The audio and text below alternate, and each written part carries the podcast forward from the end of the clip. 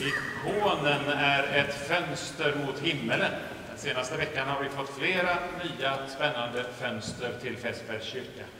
Hela raden där är eh, en utställning, en ikonutställning. Fönster där man kan skymta något spännande, några som lever och vandrar i en annan tid eftersom himmelens tid är all tid. Längst fram mot koret, den lilla ikonen som står längst till höger i det fönstret där, förtjänar att nämnas. Det är Annas från Novgorods blick du möter där. Eh, svenska kungens, du vet den första kristne svenska kungen Olof Skötkonungs dotter som gifte sig med Jaroslav av Kiev, Jaroslav den vise. Eh, hon hette Ingegärd när hon levde här i Sverige och gick sedan i kloster där hon, eh, när Jaroslav dog i fält. Eh, hennes bild strålar också högst upp i den ukrainsk-ortodoxa katedralen i Kiev ikonen. Om man klickar på den eh, så öppnar sig nya världar. I alla fall var det så förr. Nu heter det väl mer appar, men ni vet hur det var förr. På datorskrivbord så klickade man på en ikon så kom man in i en helt annat sammanhang än vad man var tidigare. Det hade man ingen aning om. Tänk vilka världar, att det kunde finnas så mycket liv och så mycket nytt i den där lilla bilden. Ikonen målas utan att man egentligen vet vem som har målat den. Det är inte viktigt, de är aldrig signerade. Däremot är det viktigt att den som målar, den som skriver en ikon, står i en levande tradition, fast förbunden med kyrkans levande berättelser.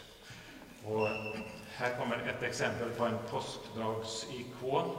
Eh, så här har man skildrat Maria från Magdalas möte med den uppståndne på påskdagsmorgonen. Eh, kanske går berättelsen om hur man skulle måla lika långt tillbaka som skriften själv.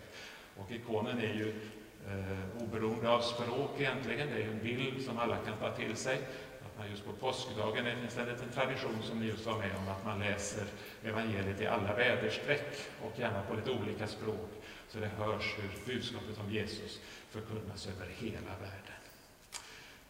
Lukas berättar att Maria från Magdala var med bland de allra första som kom till den tomma graven på påskdagsmorgonen. Markus berättar om det möte som sen finns på ikonen här. Och nu ska vi se vad det handlar om. Graven är det enda på ikonen som är svart.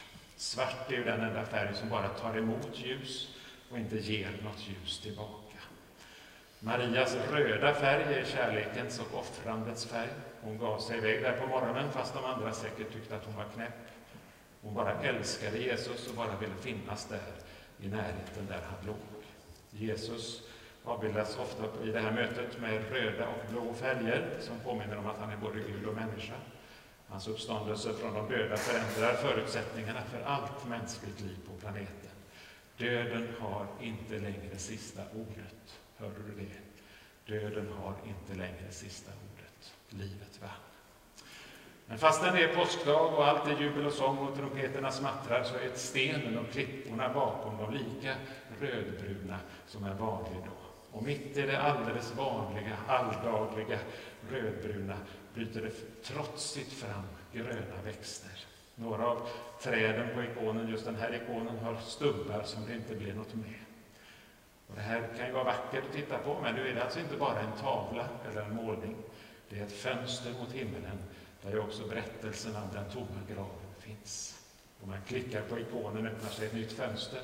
Allt det som jag har nämnt hittills finns inte bara i himlen utan också här i Fässbergs kyrka.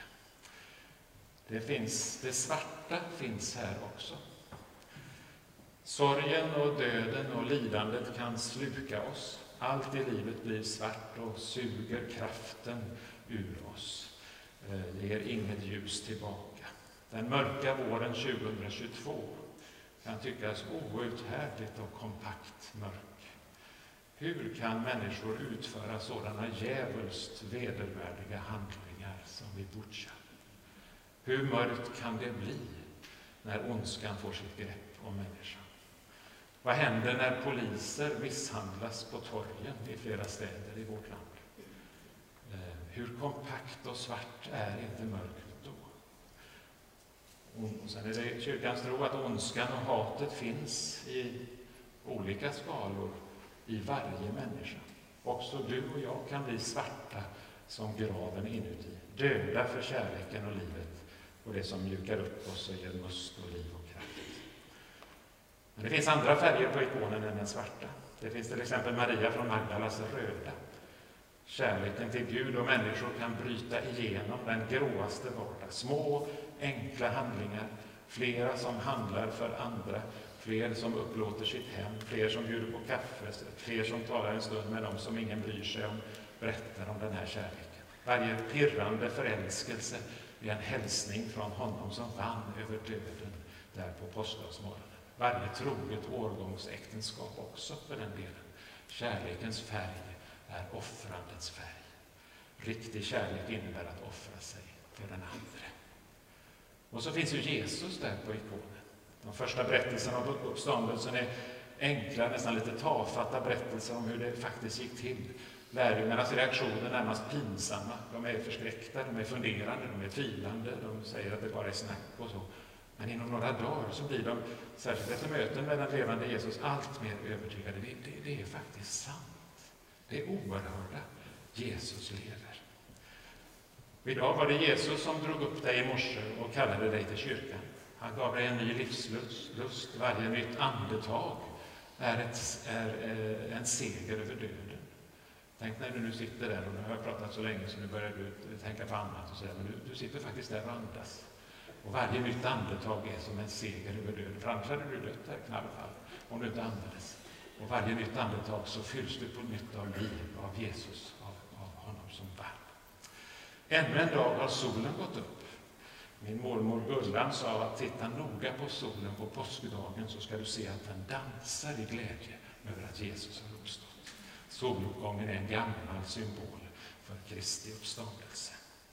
Och så finns de där gröna växterna där också på bilden, som på ikonen, som spränger upp i den gråaste rödbruna vardag, i det alldeles vanliga. Här finns minnena av såren, av det som inte blev något, av stubbarna. Men här finns också det gröna som växer fram där det egentligen är omöjligt att växa. Som bara kan vara en hälsning från den uppståndne själv. Livet vinner och gör det omöjliga. Döden har inte sista ordet. Om du långsamt passerar framför raden av de nya fönstren i Fässbergs kyrka så kommer du att märka att personerna på andra sidan följer dig med blicken.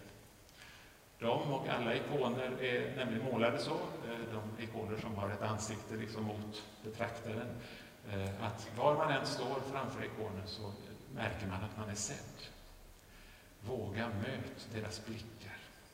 Denna påskdag ser de från himmelen på oss som lever den mörka våren 2022. Kan du i deras ögon se en uppmaning till, till mod, till kärlek, till försoning, till fred? Till större ansvarstagande i det vardagliga, till större kärlek. Deras blickar kommer från en tillvaro där Jesus lever och allt det onda är utplånat. Allt svart som bara slukar ljus har förintats av ljusexplosionen från den tomma graven. Jesus har uppstått. Jag skulle vilja be dig den här veckan som kommer att försöka se vad som händer med ditt eget liv om du tänker att du är en av dem. Du är också döpt. Du har också mött Jesus i den heliga nattvarden i Västbergs kyrka på påskdagen 2022. Du är en av dem. Kan du känna syskonskapet med Anna från Norrgård eller med den heliga Birgitta? Klicka på ikonen så öppnas nya världar.